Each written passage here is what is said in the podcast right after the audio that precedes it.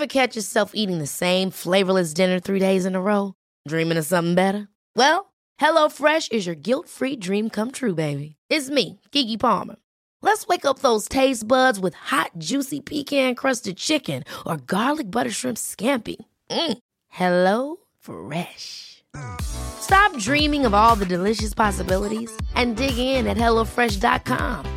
Let's get this dinner party started.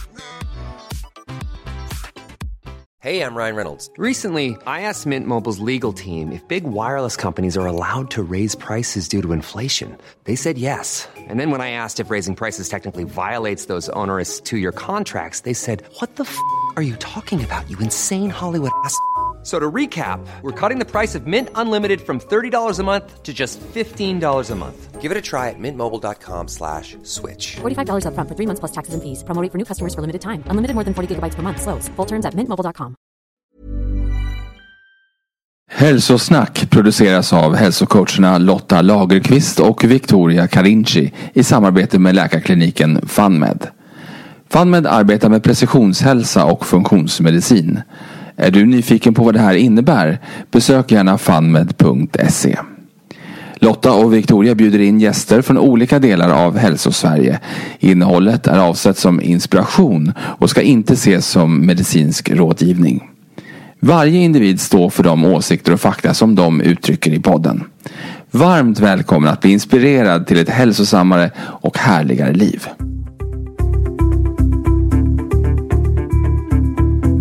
Hej Pontus och varmt välkommen till Hälsosnack. Tack så mycket. Tack. Att sova det är ju en av mina största hobbys i alla fall. Så att eh, det ska bli jättekul att prata om dagens ämne. För att vi ska ju prata om någonting som bara kan inträffa när vi sover eller eh, rättare sagt när vi drömmer. Så vi ska ju prata om klardrömmar och det ska bli så spännande. Eh, men först ska du Pontus få chansen att presentera dig för våra lyssnare och berätta vem du är och vad du gör. Mm.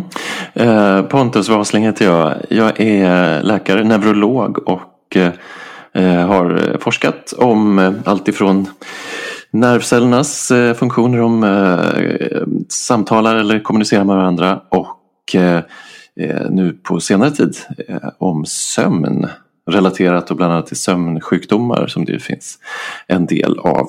Eh, och eh, ett eh, projekt som handlar om drömmar faktiskt.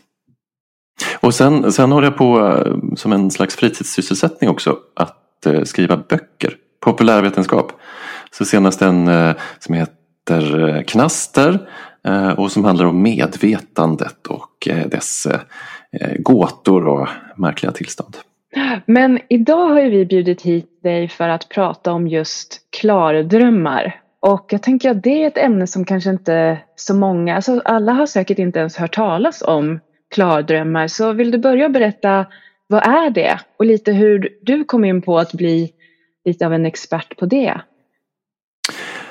Ja, det är, klardrömmar är helt vanliga drömmar. Man har dem ja, som man har när man sover. Eh, men det som är speciellt det är att under den här drömmen så fattar man att just det, det här är ju bara en dröm. Man förstår alltså att man befinner sig i en dröm. Det är klardröm då, eller lucid dreaming som det kallas på engelska.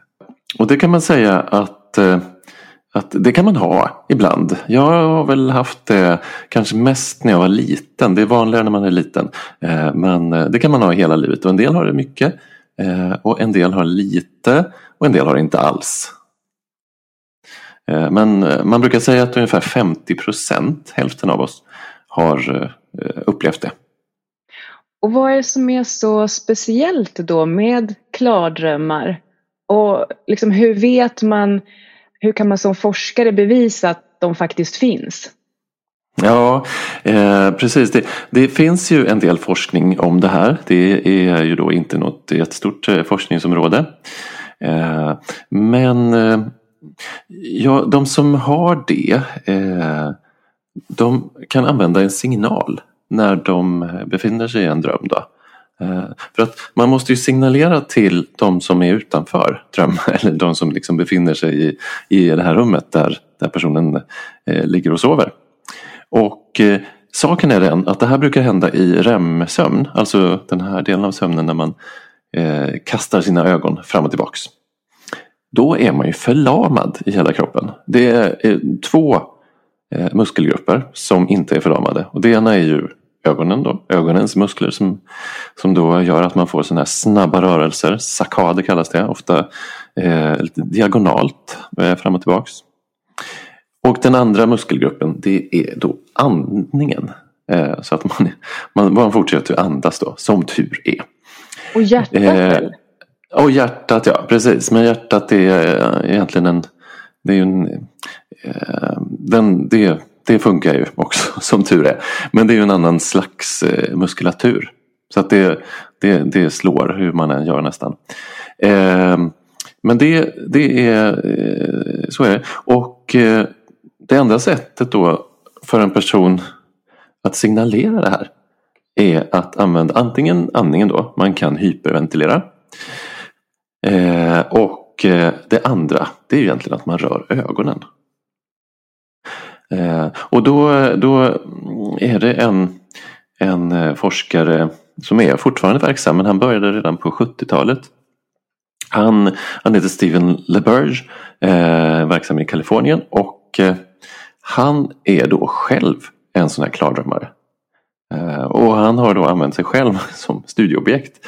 Eh, och, och, började med det här redan på 70-talet. Att eh, undersöka vad klardrömmar är för någonting och hur det fungerar. Eh, och han, han, eh, eller, eh, han uppfann kan man säga eh, det här sättet att signalera med ögonen då. Eh, och då är det så att man om man kommer på nu i drömmen att ja, det här är ju bara en dröm. Eh, då, kan man, då kan man röra ögonen fram och tillbaka åt eh, höger och vänster. Så då finns det en sån eh, LR, LR-signal. Eh, och det innebär att man, man rör ögat först. Man tittar så långt som möjligt eh, i horisontal led åt vänster och sen åt höger. Vänster och höger igen. Eh, och sen är det så att om man är i ett eh, sömnlaboratorium så, så kopplar man ju upp med EEG-elektroder så att man ser de här hjärnvågorna. Men man gör också eh, en registrering av ögonrörelserna med hjälp av elektroder eh, vid ögonen. Och det är ju för att man ska se de här REM-sömnsrörelserna. Eh, för då kan man se att den här personen befinner sig i REM-sömn. Men då kan man också använda den signalen för den här LR, LR-signalen. Mm. Vad står det för? Left right eller? Ja, left right, left right, precis. Just det. Ah, så att eh, när man remsover då åker ju ögonen vänster, höger, vänster, höger. Men här är då kanske något mer liksom lite mer i lugn takt eller hur vet man vad som är vad? Ja, då, då gör man så att eh, före själva insomnandet Eh, så instruerar man den här personen att nu ska du titta så långt som möjligt då åt, åt varje håll. Och då blir det en ganska eh, tydlig signal jämfört med de här vanliga REM sömnsrörelserna som är lite mer eh, slumpmässiga och rör sig åt olika håll. Eh, så de eh, brukar man kunna eh, särskilja. Om den här personen verkligen anstränger sig i sömnen där att, att göra de här rörelserna åt eh, höger och vänster. Men det är superfascinerande. Så då vet man, man har konstaterat att personen i fråga är i REM-sömn och mm. den lyckas från sömnläget liksom kommunicera till de vakna människorna i laboratoriet. Och bara en sån sak då som att lyckas få en sån här klar dröm när man ligger där i ett laboratorium. Så är det så att man vissa då med vilje kan framkalla såna här klardrömmar. Ja, och då är det ju vissa personer som den här Steven LaBerge tillhör ju de då som har mycket klardrömmar. Och, eh, vilket en del har. Och då kan man samla in sådana personer eh, och, och göra sina registreringar. Och eh, då brukar man göra det på natten. Eh, det blir ju ganska långa eh, sessioner då, det är ju liksom en hel natt. Eh, men då kan man, då kan man fånga upp sånt där och då kan man om, man, om man läser av de här olika sömnstadierna, för det kan man göra live också om man är tränad på det, se liksom att den här personen befinner sig i REM-sömn eller, eller i icke REM-sömn då, de här djupsömnstadierna. Och, och så kan man göra olika saker, manipulera, kommunicera till och med med den här personen. Eh, men det som, eh, det som vi har använt i, eh, i vår studie då, eh, det är personer som har narkolepsi. Eh, och det är ju en sömnsjukdom eh, som, som beror på att, att nervceller i, i en del av hjärnan som heter hypotalamus skadas. Eh, och eh, det här hände ju eh, 2009 så var det ju den svininfluensan i Sverige och en väldigt stor andel av befolkningen vaccinerades ju. Och under, de som var under 18 år så var det ju 70 procent ungefär som vaccinerades. Och, och, då var det tyvärr så att eh, omkring 500 personer i Sverige, framförallt då barn och ungdomar, fick narkolepsi. Och, och då är det så med de här personerna. Eh, om man ska om man ska hitta någon slags eh, bra sak med det här så skulle det kunna vara att man har en ökad förmåga till eh, klardrömmar. För det, det, är väldigt många som har det. Vilket de då eh, kan ha nytta av och, och, hjälp av faktiskt på olika sätt. Eh, och det som är då eh, lite bra med de här personerna i det här sammanhanget att, att de, de somnar ju väldigt snabbt. De är ju jättesömniga. De kan somna. Lägger de sig ner utan sina mediciner eh, på dagen så kan de somna på en, två minuter. Och efter en stund eh, när de har väckt så kan de somna igen. Precis på samma sätt. Så det är väldigt handikappande eh, för dem. Men då, då somnar man oftast in i den här icke-REM-sömn då. Eh, den här lätta eh, sömnen som heter icke REM-sömn stadium 1. Det är det här när man, man kan känna att man liksom det här fallet, man faller ut i intet eller rycker till. Eh, och eh, normalt så tar det då ungefär 90 minuter innan man kommer in i första REM-sömnen eh, på natten. Men hos de här personerna så, så kommer de in i, i det ganska snabbt. Efter några minuter, fem minuter så kan de få sin första REM. Eh, och, och då är det här liksom en slags eh, modell kan man kalla det för att studera eh, REM-sömn. Eh, REM-sömnens funktion, varför den finns överhuvudtaget. Eh, eller vad den är till för. Och eh, klardrömmar då, vad, hur det funkar. Så det har vi lyckats eh, registrera det är ganska så många faktiskt nu. Men du sa det att de kunde ha nytta av klardrömmarna. På vilket sätt? Ja, eh, då när vi, när vi frågar personer som har, eh, använder klardrömmar så, eh, så kan man använda det för olika saker. Och det kan ju vara nöje. Det är väl därför många personer eh, tycker det är roligt att lära sig det här förstås. Eh, för man kan styra sin dröm. Det är, alltså, en klardröm är dels att man är medveten om att man drömmer. Sen kan man också lyckas styra innehållet i sin dröm. Eh, det vill säga eh, vad som, eh, ja, men, vad som ska hända. Det, det där är liksom nästa steg, det är lite svårare. Men då kan man ju tänka så här att ja, jag vill nog ta en flygtur och så börjar man liksom hoppa i sin dröm och så lättar man från marken eller springer och, och liksom tar sats och, åker iväg. Eh, så där, det är ju en sak. Sex är ju också väldigt eh, stort. Att eh, man kan då, eh, så jag har Stort till inom klardrömmeriet. Ja, jag tror att det kan vara en stor anledning till att, eh, att en del vill lära sig det. Eh, för då finns det ju inga begränsningar för vad som kan hända. Eh, så jag har ju en eh, ganska rolig en, eh, en patient som hon, hon har narkolepsi och eh, hon har mycket klardrömmar. Och kan styra dem dessutom. Eh, så att hon, hon kan ju då träffa vilken som helst egentligen. Så hon har haft då erotiska äventyr med hela Hollywood-eliten. Eh, den manliga skådespelareliten. Som berättade att senast var det Bra- Brad Pitt. Jag tänkte det, han är säkert populär. Ja. ja, vad vet jag. Men, eh, eh, och då, då är det ju så att eh, det blir precis som i verkligheten. Blir det. Alltså fullbordat. Så nöje är ju en eh, sak då som man kan eh, ägna sig åt. Eh, sen, kan det, sen kan man också använda det till andra saker. Man kan använda det till eh, träning. Finns det exempel på. Eh, om man håller på med någon, någon sport så kan man liksom så att säga träna det i, i drömmen. Sådana här svårare saker. Då. Jag har läst att man kan öva på sin golfsving eller på sin backhand i tennis Ja, eller sådär. ja. Precis, det, det, det är sådana saker som, som går att göra.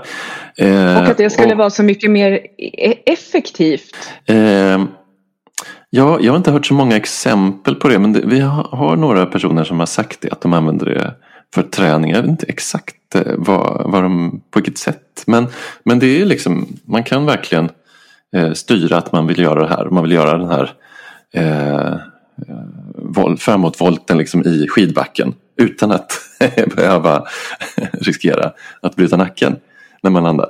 Eh, så kan man göra det i en klarrum istället. Det kan ju vara bra. Eh, så, så det, och sen finns det ju Sen är det så här att det kan användas terapeutiskt också. Eh, det finns en del sådana förslag då. Eh, de här eh, som har narkolepsi, eh, de personerna, de, de har tyvärr också ganska ofta mardrömmar. Och eh, ganska hemska drömmar. Eh, eh, kan va verkligen vara läskiga saker som händer. Eh, och det har då föreslagits att det kan vara ett sätt att, att bearbeta eh, drömmar på. För att tänk om man då blir jagad i en dröm av en, av en björn som kommer emot en. Och då kan man tänka att det där är ju, det här är bara en dröm. Det där är ju ingen riktig björn. Eh, eh, så då, då kan man tänka så här att gå gå åt ett annat håll kan man säga då, högt till den här björnen och så liksom förvandlas den till, till någonting och, och går iväg.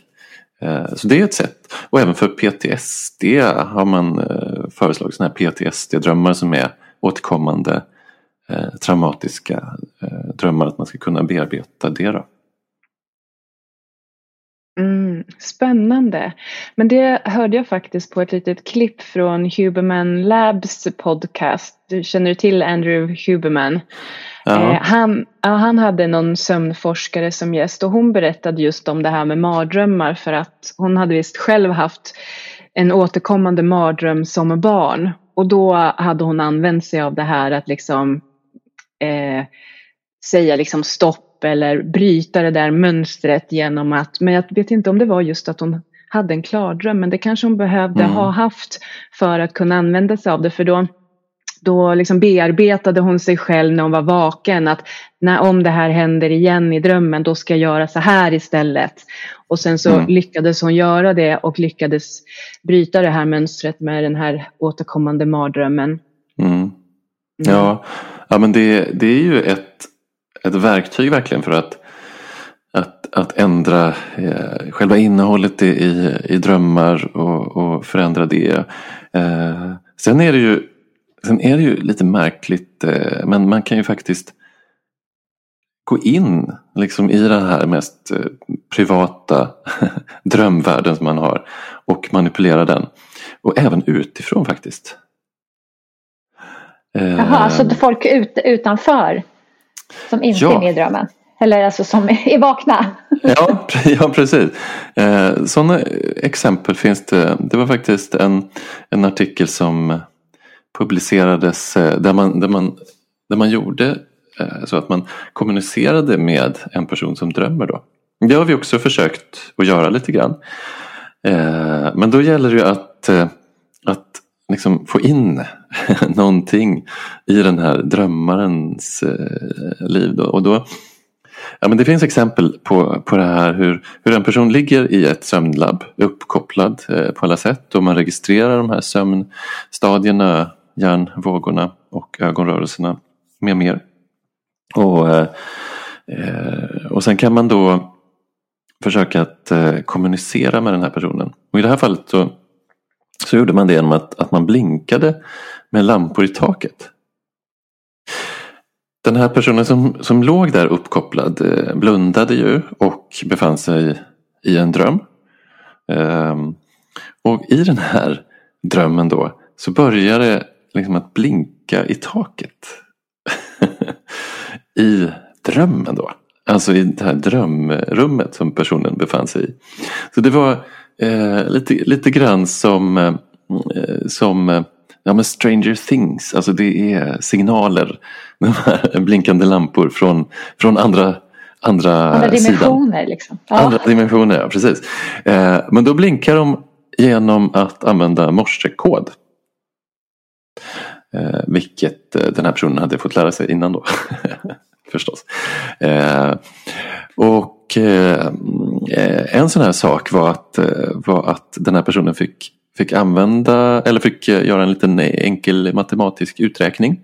Och i det fallet var det då att räkna ut ett enkelt tal, subtraktion. Eh, och sen såg man hur den här personen med hjälp av de här left-right rörelserna kunde göra fyra sådana. Och det var liksom svaret på det här eh, matematiska talet. Som var 4 minus 0, jättekonstigt tal. Men, eh, eller subtraktion.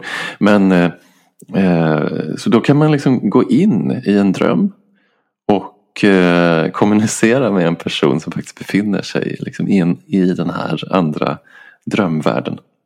Eh, och då kan man undersöka, det är ju det är mycket märkligt med drömmar. Eh, till exempel tid. Att, eh, att eh, en vanlig Ehm, ja, men REM-sömn den är under första delen av natten så är det kanske bara fem minuter långa eh, episoder som man har. Eh, på morgonen så blir det lite längre. Eh, då är de kanske på 20 minuter. Men en dröm kan ju upplevas som otroligt mycket längre. Det är ju någonting som händer med eh, tidsuppfattningen. Och det är någonting som man kan gå in då liksom och, och be den här sovande drömmande personen att, eh, att räkna sekunder eller någonting sånt där. Eh, med hjälp av, av sådana här ögonrörelser eller annat. Mm, för, att liksom, för att få veta mer om REM-sömnen och hur länge den faktiskt håller i sig eller hur menar du med?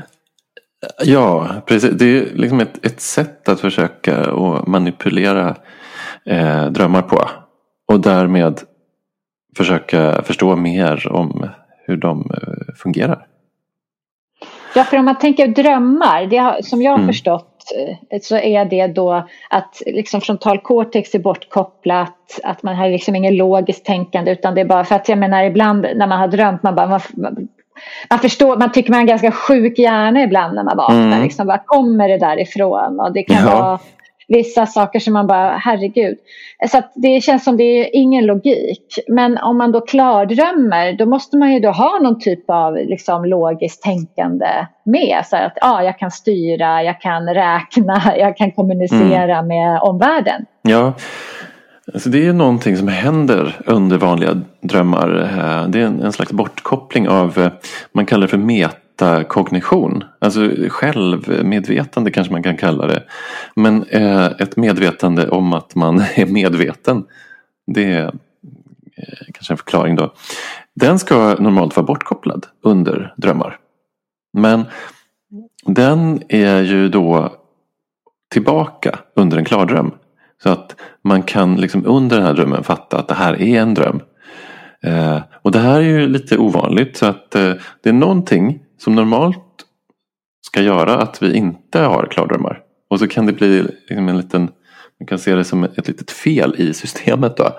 Eh, som man då också kan tweaka på olika sätt. Eh, för att klardrömmar liksom ska vi ju, av någon anledning så ska vi inte kunna styra våra drömmar. Normalt sett. Eh, men en del kan det. Och det verkar ju inte vara skadligt på något sätt. Att det finns några biverkningar av det. kunde man ju tänka sig. Eh, jag läste någonstans att det kanske kunde vara att man inte får en så liksom avslappnande och återhämtande sömn som man borde få om mm. man är i det här stadiet. Nej, eh, man kunde ju tänka sig att det, att det skulle vara det. Eh, där, eh, just klardrömmar hamnar ju, eller har vi mest i, i eller jag tror nästan uteslutande i REM-sömn. Men man kan ju faktiskt drömma även i eh, icke-REM-sömn. Det gör man. Det trodde man inte från allra första början men det har man förstått sedan egentligen 60-talet att, eh, att man kan drömma under alla sömnstadier.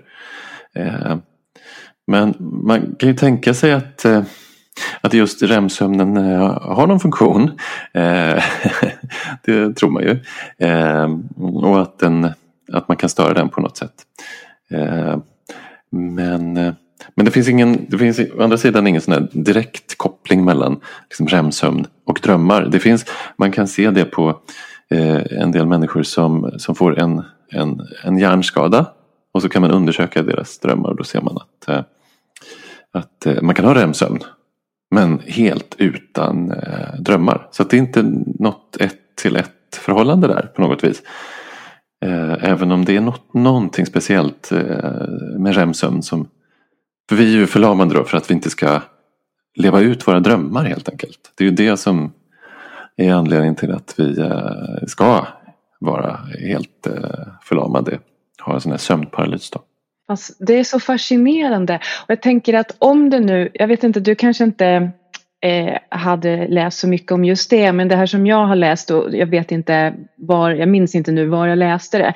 Men det var just det att, att det fanns en sån enorm potential i att om man klarade av det här med klardrömmar då kunde man ju bli så himla mycket bättre till exempel på sin sport då. Om man spelade mm. golf och man, när man liksom ligger och sover så kan man fortsätta att öva på den här golfsvingen. Mm. Att eh, man skulle ju kunna tänka sig att, eh, att eh, om det är så, då öppnas ja. det på något sätt upp en liksom helt ny värld ja. för ja. alla eh, eh, elitidrottare till exempel. Det är inte bara dagtid som man kan stå och nöta och nöta utan nej, man kan göra nej. det även nattetid. Men tror du att det finns någonting i det? Att det skulle vara möjligt? Att förbättra det, sig? Ja, det tror jag. Eh, där finns det ju Um, Ehm, kanske inte så mycket studier än, utan det blir mer uh, anekdoter som man kan höra uh, om. Man kan ju, det finns ju en annan del i det. Det är till exempel han Jack Nicklaus. Uh, han var ju en stor golfspelare. Ehm, han hade en dröm om att han bytte grepp om Eh, vid eh, golfsvingen då. Och eh, sen började han använda den. Och det blev tydligen då bättre. Det är ju lite annorlunda. Det är ju mer att man kan använda att, att drömmar eller REM-sömn har en, en, en, kreativ problemlösande funktion. Det kanske är egentligen någonting annat än det här.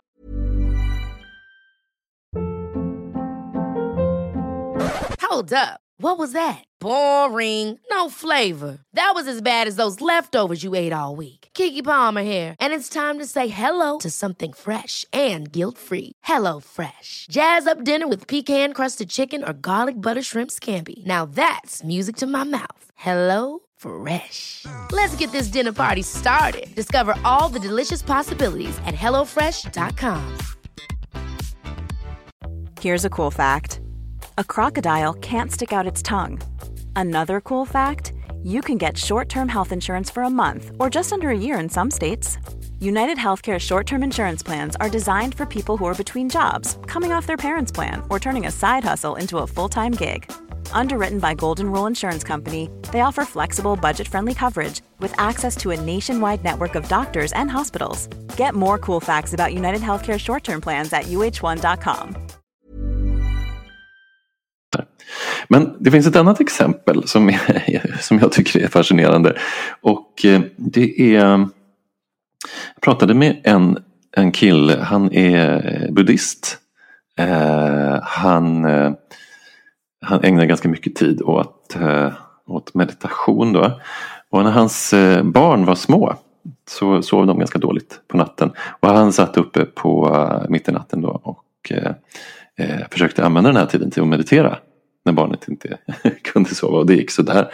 Men vad han upptäckte var att, eh, att han, kunde, han kunde komma ner i, eh, i drömsömn och klardrömmar. Från de här meditativa tillstånden. Eh, och då finns det faktiskt en, en, en slags praktik inom tibetansk buddhism. Där man kan styra sina drömmar då. Eh, och det verkar som att det är lättare att göra det om man ägnar sig väldigt mycket åt meditation. Eh, och, och, en anledning till det, är, trodde den här killen i alla fall, det är att, att meditation handlar ju mycket om att man blir medveten om sina tankar och tänker att det här är då har man ju också en metakognition. Man tänker att det här är bara en tanke som jag har. Eh, som man kan liksom titta ner på. Eh, egentligen är det samma sak i en dröm då. Det här är bara en drömtanke. Eh, om man är mycket tränad i meditation så kan man tänka att ja, då är det, då är det väl en, en klardröm då helt enkelt. Eh, och i den här eh, eh tibetanska eh, praktiken så, så mediterar man ju på dagen, vilket man ju gör väldigt mycket om man är en tibetansk eller buddhistisk munk eller nunna. Det är ju det man gör. eh, och då kan man fortsätta med det under natten i sina drömmar. Ah, så man Perfekt. mediterar på natten? ja, och då, kan man ju, då är det ju inte heller så att man får ont av att sitta länge. Eh, som, så kan man ju liksom eh, meditera helt utan sin kropp så att säga. Eh, ah, fascinerande. Det här är nästan, ja väldigt fascinerande, nästan svårt mm. att liksom greppa. Men jag förstår ju också vart ditt intresse då sen till medvetandet, det blir ett lätt steg. Liksom, vad är mm. medvetande mm. då som är bakom allt det här? Ja, för det är ju en, det är en annan sak då att, att när vi eh, är eh, i, en, i REM-sömn så, så har de här hjärnvågorna ser nästan precis ut som på dagen. Och man kan, man kan till och med registrera att aktivitet eh, eh, i hjärnan är precis som i vaket tillstånd. Så att när jag pratar med någon i en dröm eh, så kommer min, mitt talcentrum att vara aktivt. När jag ser någonting röra sig så är det syncentrum. Så att eh, det är ett, ett, eh, ett medvetande tillstånd. Vi är medvetna precis som på dagen men vi konstruerar ju den här världen helt och hållet. Eh, vi eh, gör ju en, en scenografi, vi bygger hus och, eh, och natur, vi, vi träffar människor. Eh, vi talar med de här människorna och oftast då så har vi ingen aning om vad de här personerna ska säga till oss eller hur de ska reagera på vad vi säger. Om vi inte befinner oss i en gladröm. För då kan vi ju styra de här eh, de samtalen eller handlingarna åt något håll. Det är otroligt fascinerande att vi egentligen inte eh, behöver någon yttervärld för eh, eh eller våra hjärnor. För vi kan lika gärna skapa, skapa den själv. Då. Det är som någon slags eh, dataprogram eller dataspel som man liksom på något sätt skapar själv. Men jag tänker att jag har alltid hört att, eh, liksom att under sömnen då ska ju våra minnen liksom befästas och sorteras och struktureras upp och det som vi inte behöver ska göras av med och så vidare. Eh, men jag vet inte, och det kanske är under någon annan fas egentligen, men det här liksom, vad finns det för poäng med att drömma så här? Har man någon, någon som helst aning om det? För att jag tänker många gånger när jag vaknar upp och minns mina drömmar så är det verkligen så här, nej men alltså det här är, finns ingen som, jag kan inte se någon nej. koppling till mitt eget liv, jag kan inte se någon nej. poäng i att drömma på det här sättet. Jag kan se, liksom, det finns liksom ingen som helst logik och att den där drömmen skulle hjälpa mig att bearbeta någonting som verkligen har hänt som skulle behöva bearbetas. Varför drömmer jag inte om det då istället? Eller mm. om jag nu ska befästa några minnen, varför är det inte de grejerna som jag drömmer om i Nej. så fall för att fortsätta befästa det? Så vad, liksom, vad är poängen med de här superkreativa, crazy drömmarna ja. som vi har? Ja, precis. Nu är det de stora frågorna. Exakt, vi har sparat dem till dig Pontus. det är, man har ju eh, dels icke-REM-sömn då. Från lätt sömn och så ner till eh, djupsömnen då är vi som mest eh, medvetslösa kan vi säga.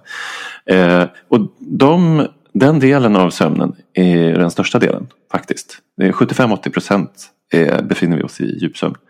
Och 20-25 procent i REM-sömn. Mm. Eh, och den djupsömnen, den har man eh, nog kunnat säga att, att vissa bestämda funktioner har den. Till exempel minne och eh, inlärning. Eh, då eh, verkar det som att, att, eh, att mycket vi har lärt oss under dagen befästs. Eh, konsolideras så, som det kallas. Eh, så det är en, en funktion och sen finns det det här eh, brainwash att, att, eh, att hjärnan eh, eh, vaskas ut på eh, olika substanser som finns eh, ansamlade utanför nervcellerna. Och eh, det vaskas ut i den här ryggmärgsvätskan då. Och det verkar ske framförallt under eh, djupsömn. Eh, sen är ju REM-sömnen, den är lite speciell. Eh, dels kan man ju se att, eh, att när vi människor föds så sover vi ju väldigt mycket. Fast inte så regelbundet som ni kanske vet. Som alla småbarnsföräldrar vet. Absolut. Det känns bekant. Ja. ja. Och 16 timmar ungefär eh, per dygn. Och sen sjunker ju det. Eh, så att eh, när man är uppe i tonåren så är det kanske 8 timmar, 8-10 timmar och sen sjunker det liksom till ungefär 7 timmar i liksom, sånt, genomsnittlig sömn för människor runt om jorden var man än kommer. Eh, och, eh, eh, Eh, och då är det så att precis i början då av, eh, av livet när vi föds, då har vi hälften av sömn är, är REM-sömn. Åtta timmar alltså per dygn. Så då tänker man sig att, att eh, ja, men den här REM-sömnen eh, den måste vara till för uppkoppling av hjärnan på något sätt. Men sen har man gjort, sen egentligen 60-50-talet, men, men framförallt på 60-talet så gjordes, gjorde man mycket drömforskning. Eh, på ett sätt som man inte har gjort så mycket senare faktiskt. Men det finns jättebra studier då, där man helt enkelt väcker upp folk mitt i natten i olika sömnstadier och frågar vad, vad tänkte du nu, vad drömde du? eh, och så skriver man ner det och, och kodar det där så att det, enligt ett visst, det finns kodningssystem. Liksom. Och, och det, dels kan man se att, att små barn eh, drömmer knappt alls. Eh, utan man börjar drömma normalt så att säga när man är runt 12-14 år. Eller någonstans där. Och eh, det man kan se eh, när man tittar på det här lite mer strukturerat då. Det är att, eh, att, eh, att visserligen finns det eh, konstiga, bizarra eh, och osammanhängande drömmar. Eh, men de är faktiskt en, en liten minoritet. Utan de allra vanligaste drömmarna de är ganska lika vakenlivet. Eh, och de vi träffar i eh, drömmarna det är ju, man kan absolut träffa sådana här spännande människor som gamla, jag har träffat eh, popartister och alla möjliga men det jag mest brukar träffa det är liksom kollegor från jobbet. eh, och så, så är det. Eh, och man drömmer eh, mest eh, om ganska, vad ska man säga, ja, eh, eh miljöer som man känner igen. Som är liksom eh, de som man normalt befinner sig i, mer eller mindre. Fast skruvade då kan de ju vara förstås, så att de inte riktigt eh, stämmer. Men drömmar är rätt så lika Eh, Eh, vardags, vardagslivet. Eh, och det har gjort att en del säger att, eh, att eh, ja, men det, kanske inte, det kanske inte finns någon funktion alls med drömmar. Utan eh, drömmar, det som skapar de här drömmarna det är samma sak som skapar våra dagdrömmar när vi vaknar.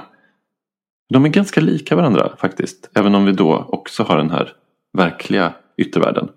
Men då skapar vi också eh, de här små filmerna kan man säga i olika genrer. Liksom, som, eh, som är lite som drömmar.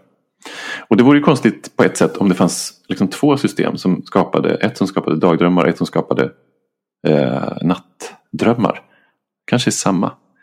Eh, eh, men det, det, finns, sen finns det en, det finns, om man tittar på, det här gäller ju oss människor, men, men om man tittar på, eh, på andra djur så har liksom alla sover ju. Eh, däggdjur sover men också sådana här lite eh, förstås eh, äldre eh, utvecklingsstadier. Näbbdjuren. Eh, fåglar sover. De är ju liksom ganska skilda oss på den här evolutionära utvecklingsstegen.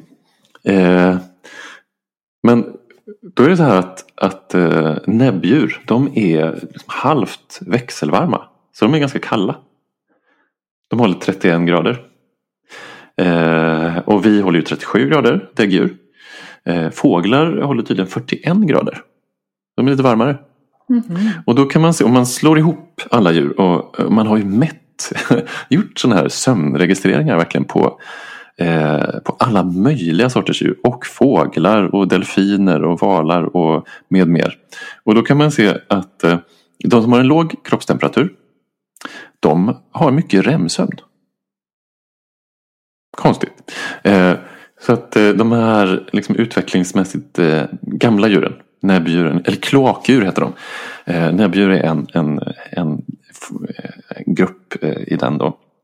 De, de har jättemycket REM-sömn. Fast en lite ganska outvecklad eh, form av REM-sömn. Som liknar lite eh, småbarns REM-sömn. Eh, men fåglar som har så hög temperatur. De har jättelite REM-sömn. Kanske en halvtimme per dygn eller någonting. Så då är en förklaring då att, att det här, att REM-sömn är bara liksom ett sätt att aktivera nervceller. Och då skapas det ju lite värme faktiskt. Så det är liksom som... inte mer än så. Jättetråkig förklaring, eller hur? För då skulle det vara liksom som att, att vi huttrar med kroppen så och skapar eh, värme. Precis på samma sätt så skulle REM-sömn funka då för att liksom värma upp hjärnan. Det är en hypotes, men lite intressant faktiskt. det är verkligen, fundera du Victoria. Ja, det känns som man behövde fundera på hur man liksom har kommit fram till det. Du menar liksom att man skulle så här huttra och då liksom hålla värmen i nervcellerna och då produceras drömmar när man liksom typ skakar lite i dem? Eller menar du att man producerar drömmar för att hålla dem varma? Ja, ja precis, eller REM-sömn då. Det är inte riktigt någon sån här ett till ett eh, förhållande. Men, men ja, det kan ju inte riktigt vara så enkelt. Eh, tror jag. Eh, men det, är alltid, men det var nog det den mest tråkiga förklaringen. Det här, man vill mer prata om liksom klardrömmar och allt spännande och fantastiskt som skulle kunna hända där. Än det här blev ja, liksom... precis. Ja, det är inte alls vårt undermedvetna som kommunicerar utan det är att vi ska värma upp hjärnan lite grann. Ja, jättetråkigt. Eh, men det är, det är ju samtidigt så här att vi har den här förlamningen. Och eh, Eh, och det finns, eh, man, kan, man kan få en, och den, är, den är liksom aktivt reglerad den här förlamningen. Eh, det går nervbanor ner från hjärnstammen och ner i ryggmärgen som, som hämmar de här eh, nervcellerna eh, som går, vars signaler går vidare till musklerna. Eh, så det är liksom en broms som ligger på under, eh, under eh, en dröm. Då kan man få skador eller sjukdomar, eh, Parkinsons eh, sjukdom och, och besläktade. Eh, och de brukar börja med en skada i hjärnstammen. Och då kan den här regleringen skadas. Och plötsligt då så, så börjar man att leva ut sina drömmar. Eh, så man ligger där med sin eh, partner i dubbelsängen. Eh, och en ganska vanlig dröm som man i alla fall brukar komma ihåg. En dröm som, som finns i alla kulturer. Det är att man är jagad. Det kommer alltid väldigt högt upp på sådana här eh, när man eh, frågar folk eh, i enkätform. Jag blev jagad av ett djur eller en människa. Jag var tvungen att försvara mig. Och när det händer då i drömmen och man inte är förlamad. Då kan det hända att man börjar kasta sig över sin partner i sängen. Slås, slåss, sparkas, ta strupgrepp. Och det kan bli riktigt dramatiskt det där. Eh, som gör att man då kanske inte kan dela säng. Eh, en del får sätta upp liksom en skiljevägg och ah, med mer. För att, eh, eh, för att inte skadas helt enkelt. Så då bör man eh, eh, ja, men leva ut sina drömmar. Så det är ju någonting speciellt med drömmarna i just REM-sömn. Eh, för de drömmar som kommer i, i de här andra sömnstadierna, de brukar inte vara så vildsinta. liksom. Eh, utan de kan ju vara mer, mer av formen av en tanke bara, inte det här mm, bilderna och, och, och handlingen som vi ofta tänker på som drömmar. Eh, och i den här icke-REM-sömnen, djupsömnen, det är ju då det är då som, som vi kan eh, prata i sömnen eller har eh, nattskräck kan ju en del barn ha när de liksom bara blir helt hysteriska och verkar se saker och samtidigt sover de. Eh, eller när man går runt eh, i sömnen förstås. Så, eh, så det, jag tror att det är nog ändå någonting annorlunda med REM-sömn och de drömmarna som är där. Att det inte bara är sån här att vi huttrar med, med hjärnan. Nej. Eh, men man kan, ju, man kan ju faktiskt ha sådana här drömmar som kommer redan eh, i insomningsögonblicket faktiskt. Mm, och, och de kan ju vara alltifrån eh, geometriska mönster liksom som en slags hallucinationer nästan till, till drömmar. Eh, och, och de verkar vara viktiga eller inblandade i, i en kreativ funktion som man har sett att, att drömmar kan ha. Man somnar till sådär och så vaknar man och har lösningen på ett eh, problem.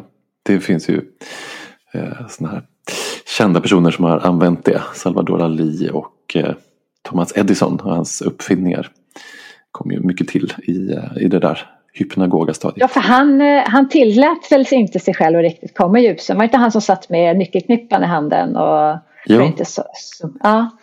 Precis, eh, och det finns studier på det nu att man, kan, man, man blir bättre på att lösa problem om man somnar till fem minuter bara. Eh, på ett problem som man har grunnat på eh, i, i förväg där. Mm. Men du Pontus, jag är nyfiken på vad, vad du ser för potential med det här med forskningen om klardrömmar och vad, vad du konkret, vad, vad forskar ni om nu? Vad vill ni veta? Ja, eh, dels eh, ser vi om, om det går att, eh, att, eh, att få den här signalen. Eh, eh, dels eh, finns det ett projekt till det här då eh, och se om man kan eh, om rem, vilken funktion REM-sömnen har. Det, det, är en intressant sak då, eftersom man ju inte riktigt vet det. Eh, om det kan ha någon funktion för just kreativa eh, problemlösningar och liknande. Eh, Sen den här eh, metakognitionen då, att man, att man tänker på vad man tänker eller drömmer. Eller tänker på vad man drömmer. Eh, vad har den för... Eh, hur fungerar det? Vad är det i hjärnan som händer då? Eh, och vad man kan göra då det är att man gör analyser av EEG Eh, vågorna. Eh, till exempel i en klar dröm. Man ser den här signalen och jämfört då med en en vanlig eh, eh REM-sömn utan klardrömmar. Vad, vad är skillnaden där? Och där har gjorts en del eh, studier. Men det här blir, eh, vi ska fortsätta på det eh, spåret nu då. Så det, man kan säga övergripande REM-sömns, eh, vad är REM-sömnen till för egentligen? Vad finns det? Finns det någon funktion? Annat än att den värmer upp hjärnan? Just det. Det måste vara något mer. Ja, jag tror. Nej, men någonting i alla fall alltså, som ökar kreativiteten eller så. För att det, ja. Vad, vad annars ska man ha de där crazy drömmarna till? Liksom. Alltså det är ju intressant. Alltså, vad är det som skapar de här drömmarna ändå? Var kommer allt eh, ifrån? Och det är ju ingen som vet. Eh, eh, och där finns det ju, det finns det ju alltifrån eh, liksom freudianska tankar att det här är verkligen en eh, ett budskap från eh, vårt undermedvetna som kan avkodas och eh, har, eh, som består av önskningar då. Eh, men som är, som är, är i symbolisk, symbolisk form för att vi inte ska eh, vakna av de här drömmarna. För att de är så jobbiga för oss. Eh, till å, en, å andra sidan att, eh, att drömmar har ingen som helst funktion. Det är bara liksom någonting som uppstår av den här helt eh, slumpmässiga eh, aktiviteten i, i eh, hjärnan och hjärnstammen som man har. Eh, men nu senaste 20 åren så, så finns det faktiskt eh, ganska mycket forskning som, som kan tyda på att det, det är viktigt, eh, kan vara viktigt kanske för att associera det vi har lärt in med, eh, med det vi redan vet och komma på eh, nya saker. Då, när vi just eh, sover på saken. Eh, och kommer på lösningar. Mm. Det känns ju ganska orimligt. Det är ju inte så mycket annat i kroppen som bara liksom görs slumpmässigt eller av ingen anledning. Så Nej. varför skulle vi drömma varje natt liksom hela våra liv mm. om det inte fanns någon poäng eller vits med det? Nej, precis. Uh, men det kan ju vara också Alltså, vi har ju våra dagdrömmar.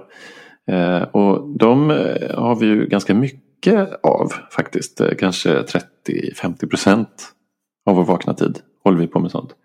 Eh, vad har de för någon funktion? Det har man, ju, man har ju sett ner lite på mardrömmar, eller eh, dagdrömmar genom åren kan man säga. Att det är bara bortkastad tid. Men eh, om vi använder så mycket tid eh, åt det så måste det ju finnas någon funktion med att vi håller på med det eh, dagarna i ända. Eh, Eh, vad det nu kan vara. Det kan också vara kreativitet, att vi kommer på lösningar på olika slags eh, problem som vi har i tillvaron. Ja, och då kan man ju mm. tänka då att om man sitter då lönlöst scrollandes hela tiden på någonting att man liksom minskar ner den där dagdrömmeritiden. Att, eh, och det kanske har effekter. Mm. Ja, det är alltså det här att, att plötsligt komma på lösningar på idéer. Det är ju ofta ofta händer ju det Dels när man pratar med andra förstås i, liksom i grupp. Men, eh, men för mig brukar det hända när jag är ute och springer till exempel eller går i skogen eh, och inte lyssnar på en ljudbok eller eh, eh, podd. Man ska ju lyssna på poddar. Eller ja. Men... ja, det är klart man ska. Men inte hela tiden. Nej, inte hela tiden. man får ta lite pauser ibland. Precis, den här podden ska man Och tänka på. sina egna tankar. Ja. Mm. Eh, mm. Så att det, det, mm, eh, det, kan ju, det kan ju vara eh, en dålig grej att, att hela tiden vara distraherad av eh, något yttre som vi ju är nu för tiden. Mm. mm. Och inte ge oss tid till att ta den där skogspromenaden utan att lyssna på ljudboken eller så. Just det. Ja, men vad intressant det har varit att prata med dig eh, Pontus. Ehm, det blir också väldigt intressant att fortsätta följa den här eh, forskningen och överhuvudtaget så är ju sömnen ett väldigt spännande ämne och lite mystiskt sådär. Eh, så hoppas ni gör framsteg på fronten så vi får veta och lära oss mer. Men innan vi släpper iväg dig så har ju vi två frågor som vi ställer i slutet till alla våra gäster. Och eh, den ena av den handlar om ifall du har någon daglig rutin. Någonting som du gör varje dag för att må bra som du skulle vilja dela med dig av. Mm. Jag, tycker, alltså jag, jag gillar egentligen inte i grund och botten att eh, springa. Men jag, jag gör det. Och eh, har kommit på att det är, alltså till jobbet till exempel. Det finns ju inget bättre. Jag mår faktiskt väldigt bra av det har jag kommit på nu. Eh, efter många år här. Det, ja, det är vilken energi jag kan ha om jag springer på morgonen. Jag fattade inte det. Det är bra. Lite Ja, tråkigt härligt. kanske, men eh, vad bra det är. Att inte alla gör Ja det. men de där små enkla sakerna faktiskt. Mm. Ja. Mm. Men då så, och det här är ju en hälsopodd, så att om man bara kan eller får göra en sak för sin hälsa, vad tycker du att man ska göra då? Då tycker jag man ska sova ordentligt. ja, men det, det, det verkar bra. Eh, åtminstone sju timmar. Eh, det har man sett. Eh, det var en studie som kom. Man har varit i både Afrika, eh, Eh, Sydamerika, i eh, ja, vad ska man kalla det, jägarsamlarsamhällen jägar-samlarsamhällen. Eh, och ser att de sover, ja, men de sover ungefär sju timmar. Eh, vi, men å andra sidan, vi sover ju faktiskt ganska bra. Och det verkar inte som att vi sover så mycket mindre än vad vi har gjort tidigare. Men vi ska fortsätta med det. Eh, ja, och sen, sen ska man springa till jobbet på morgonen. Ja, men det gynnar ju sömnen för att du får ju rörelse, du får ljuset som programmerar hjärnan att den ska sova senare. Mm. Så att jag menar, det gynnar ju verkligen sömnen. Ja, precis. Det verkar ljuset på morgonen just verkar ju vara det viktigaste ljuset. För att ställa Mm. i ordning den här inre klockan. Mm. Ja, tusen tack Pontus för att du kom till Hälsosnack och delade med dig av din kunskap. Om nu lyssnarna blir eh, nyfikna på mer om det du gör, kan man följa dig någonstans? Du nämnde att du skrev böcker, berätta. Uh, ja, jag håller på med eh, en ny bok som hamnar, handlar om sömn och annat. Klardrömmar bland annat. Eh, hoppas jag kan bli kommer det nu? färdig. Ja, det lär väl dröja lite grann. Men eh, jag håller på med det i alla fall. Annars kan man ju titta på mina andra böcker. Som jag till och med har pratat in som ljudbok den senaste. Knaster heter den. Mm. Mm. Ja, men du ser. Ja, vad spännande. Tack så jättemycket. Mm, tack själva.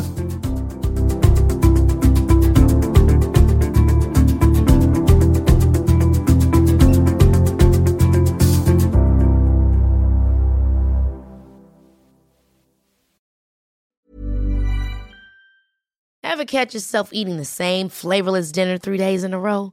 Dreaming of something better? Well, HelloFresh is your guilt-free dream come true, baby. It's me, Kiki Palmer. Let's wake up those taste buds with hot, juicy pecan-crusted chicken or garlic butter shrimp scampi. Mm. Hello Fresh. Stop dreaming of all the delicious possibilities and dig in at HelloFresh.com. Let's get this dinner party started. Even when we're on a budget, we still deserve nice things. Quince is a place to scoop up stunning high-end goods for 50 to 80% less than similar brands. They have buttery soft cashmere sweaters starting at $50, luxurious Italian leather bags, and so much more. Plus, Quince only works with factories that use safe, ethical, and responsible manufacturing.